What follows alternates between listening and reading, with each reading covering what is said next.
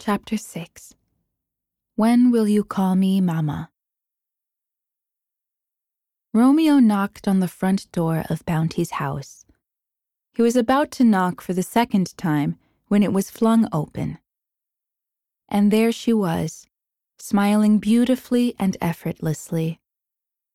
Tiara had it ready for Romeo the entire morning. Assalamu alaikum, Romeo. The boy just stood there without a word. He turned his attention to the inside of the house. He could see Bounty walking down the stairs from his room. The young man barged in. He walked over to his father to kiss his hand. Walaikum salam, Papa. Bounty smiled, feeling amused by his son's behavior. Come on, Romeo. Tante Tiara is the one who greeted you with salam. What did you give me the reply for? Romeo glanced aside to peer at Tiara, who was still standing in the doorway, looking at the man and his son. The boy's face was still tense, a clear sign that he did not appreciate having Tiara in his family. Tiara couldn't help but feel like an outsider. She kept waiting for that reply, but Romeo was not going to give it. He continued to talk to Bounty instead. Tiara was too gripped by the disappointment that she decided to simply walk away. I'm sorry I didn't come yesterday, Pa. Umi asked me to accompany her to an event at one of her relatives' place. That's okay. I get it, said Bounty, tousling the boy's hair. The sky had turned to a delightful russet.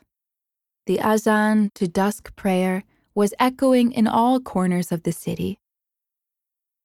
The busy hums of Ramadan could be felt along the streets of Block S, with hawkers packing nearly every turn, their sprightly hands preparing various types of food and beverage for those who wish to break the day's fast. Many of those iftar foods and drinks, some of which could only be found during the holy month, had moved to dining tables inside people's homes.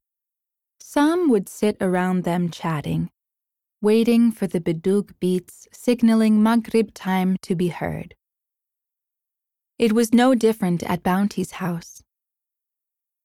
As per Tiara's new arrangement, four placemats had been laid out on the table. As soon as the call to prayer was heard, the little family enjoyed their iftar. Two of them then went on to perform Maghrib prayer together. Bounty raised his hands in Takbiratul Ihram to commence the ritual, before slowly resting them on his stomach in a folded position. Romeo followed suit. Bounty's mouth chanted the chain of verses of Al Fatiha.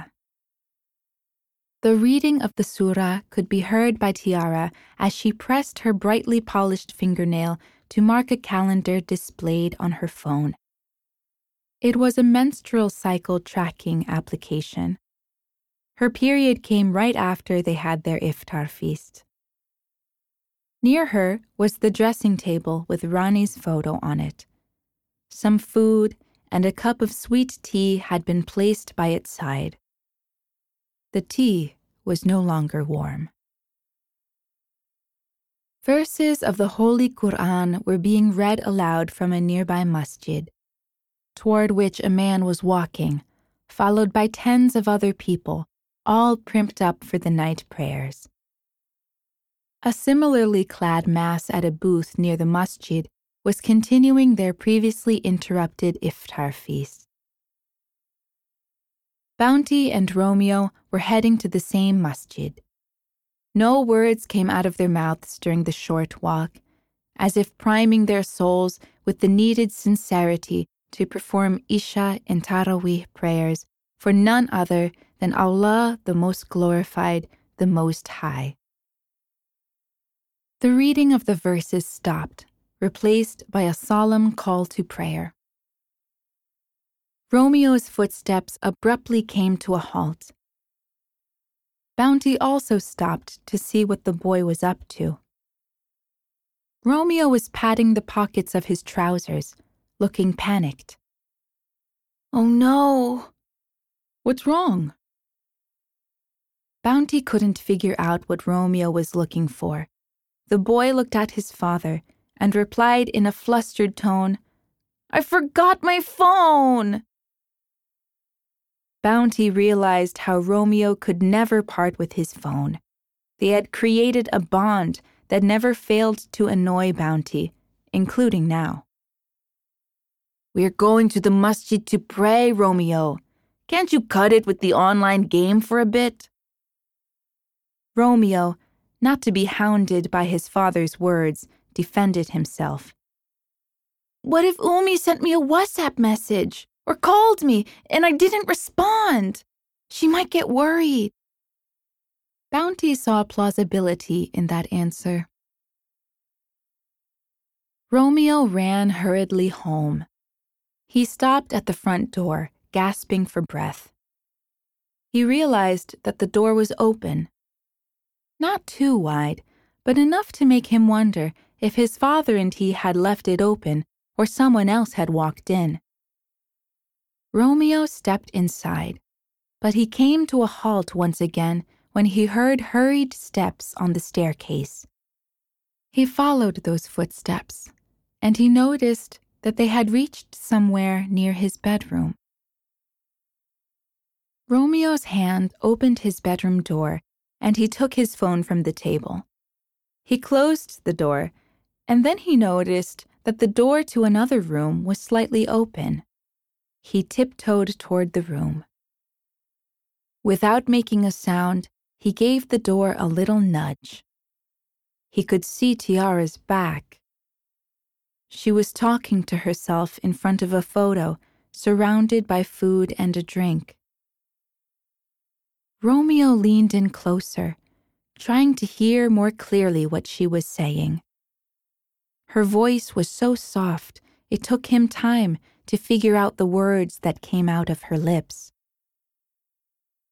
Ronnie, dear, when will I hear you call me Mama again?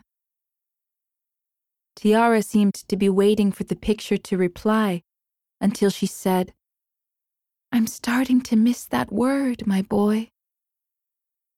A long silence ensued.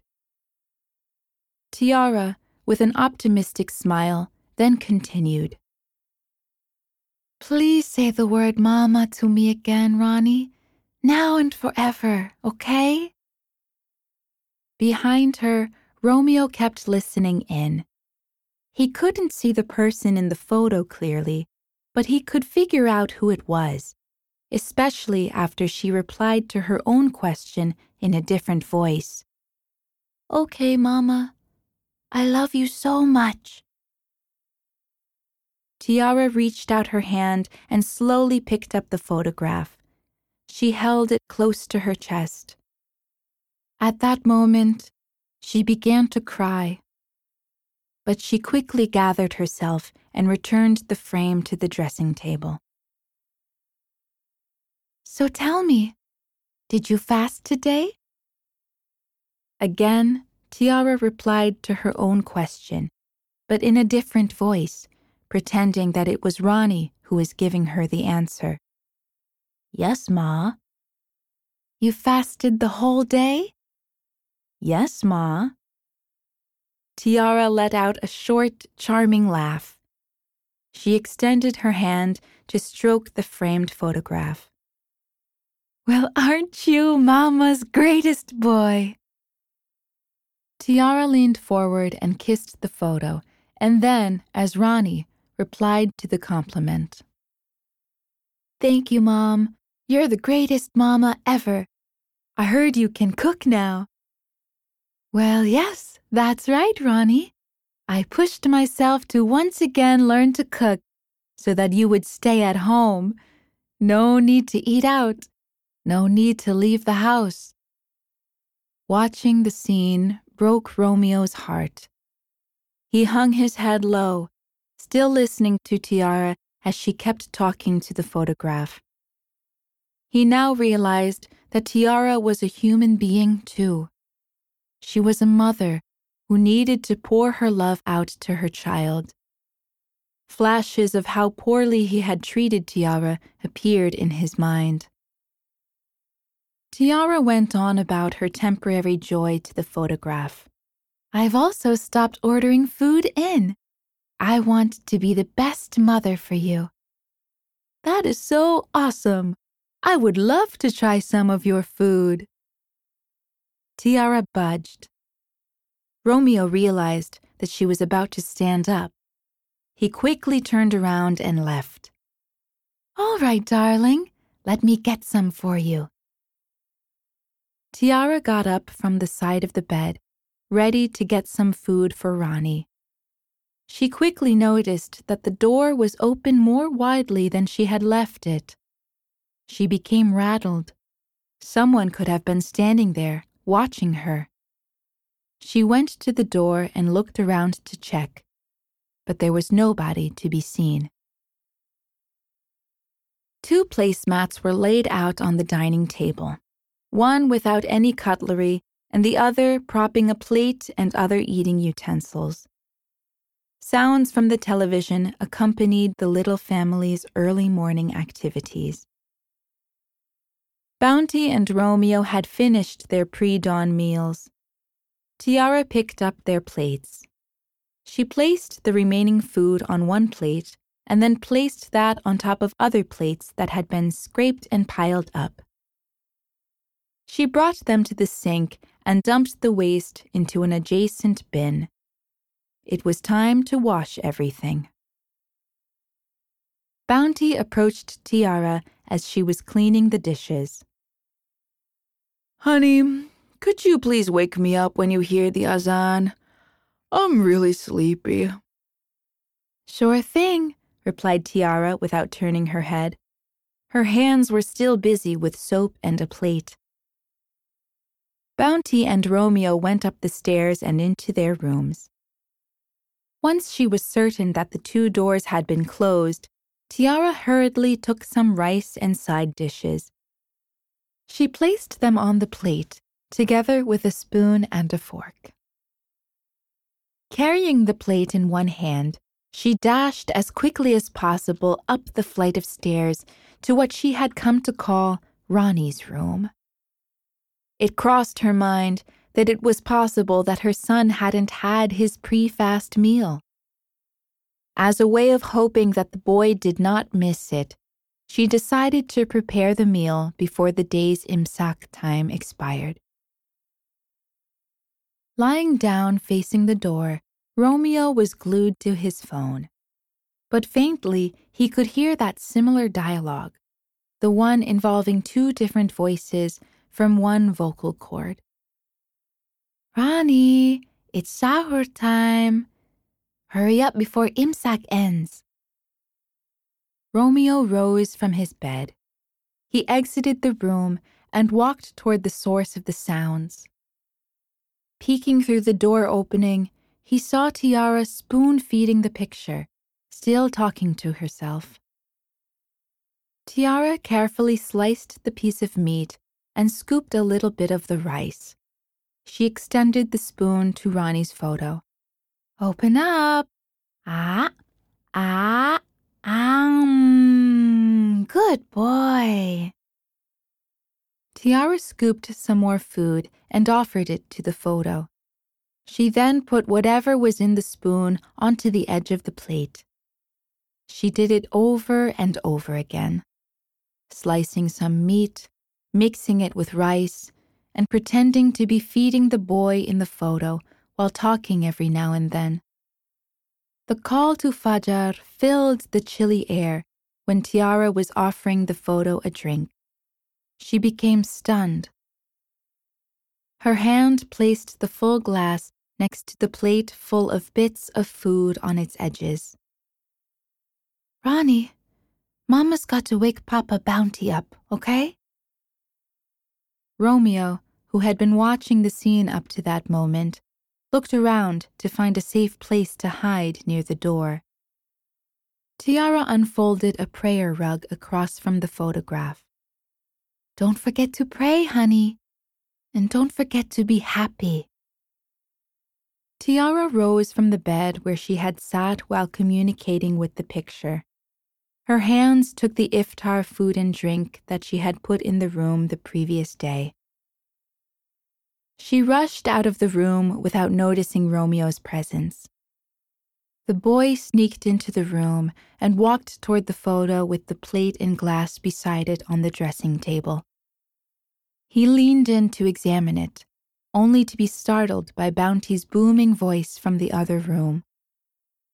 Romeo! Fajr prayer! Romeo turned his face in the direction of Bounty's room. Oh, okay, Pa. Romeo exited the room right away, leaving the framed photograph behind. Rice cakes wrapped in woven coconut leaves hung at a kiosk crammed with buyers. It was not only that particular booth that was busy with customers, because people were lining the alleys of the market looking for different items. Some had toys, new clothes for the coming Eid, and praying dresses in their hands. The market was abuzz with life. One particular visitor walked into the Muslim clothing stall. Robes and abayas of different colors and shapes hung on the stall's facade. The buyer's eyes were quickly drawn to a broken white tunic shirt with beautiful embroidered patterns. The visitor's soft hands took it from the hanger. A conversation with the seller ensued, followed by cash notes changing hands. The visitor's face looked absolutely delighted. It was as if she had just discovered a treasure. The koko shirt was now hanging on the front side of Bounty's closet. Tiara's hands opened the closet in Romeo's room. She moved the old clothes hanging there to make room for a new shirt she had gotten for him. Later, a tunic shirt she had especially purchased for Ronnie was hung on the front side of the dressing room's closet. It was blue, unlike the tunic shirts she had bought for Bounty and Romeo that were of white shades. In that room, Tiara sat on the edge of the bed, keeping a distance from the new shirt, as if hiding a secret. She started to talk to the photograph. Ronnie, I got you a new shirt for Eid. You'll look dashing in it. Outside, Romeo stroked the cat's pregnant stomach with one hand. Revi then plopped down on one side. It had gotten too lazy to move lately. It chose to keep coming to the dressing room to check on Tiara just as Romeo did. Tiara was still talking to that inanimate object. Do you like the color?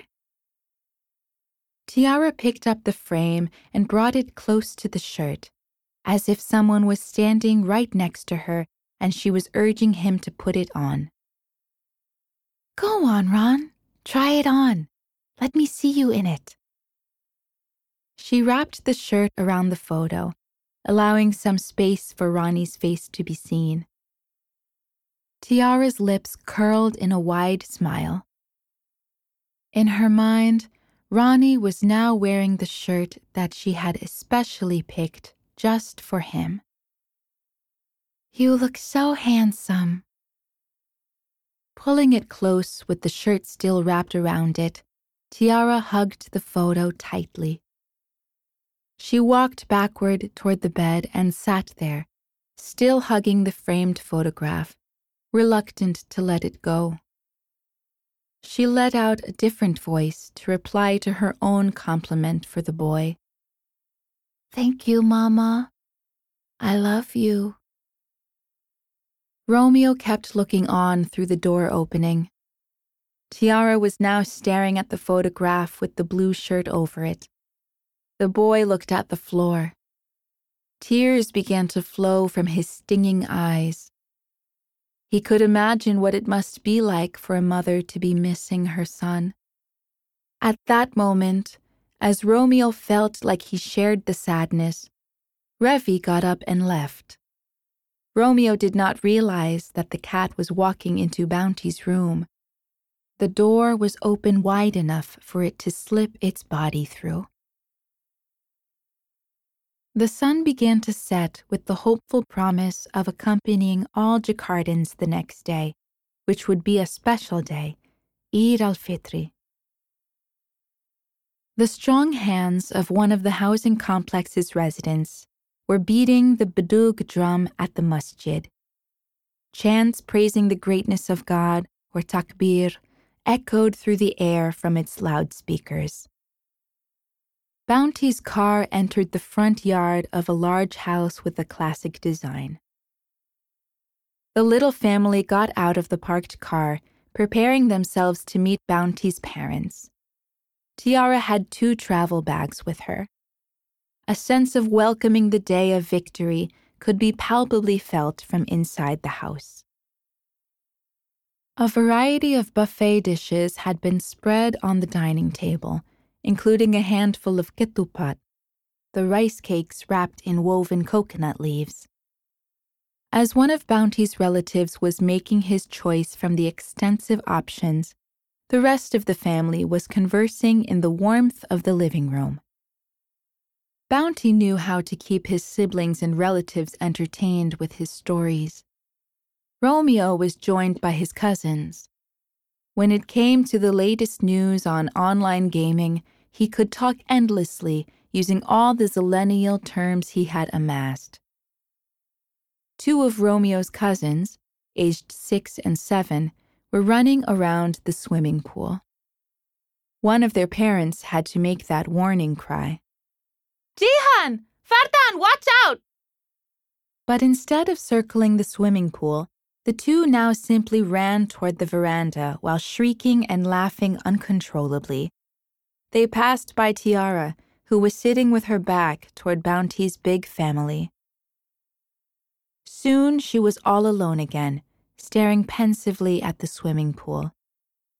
Her mind was in such a row that even the echoes of takbir were shut out by the inner clamor. Her feelings slowly became numb. The warmth behind her seemed so distant. Her mind wandered away to a sea of memories of her missing son.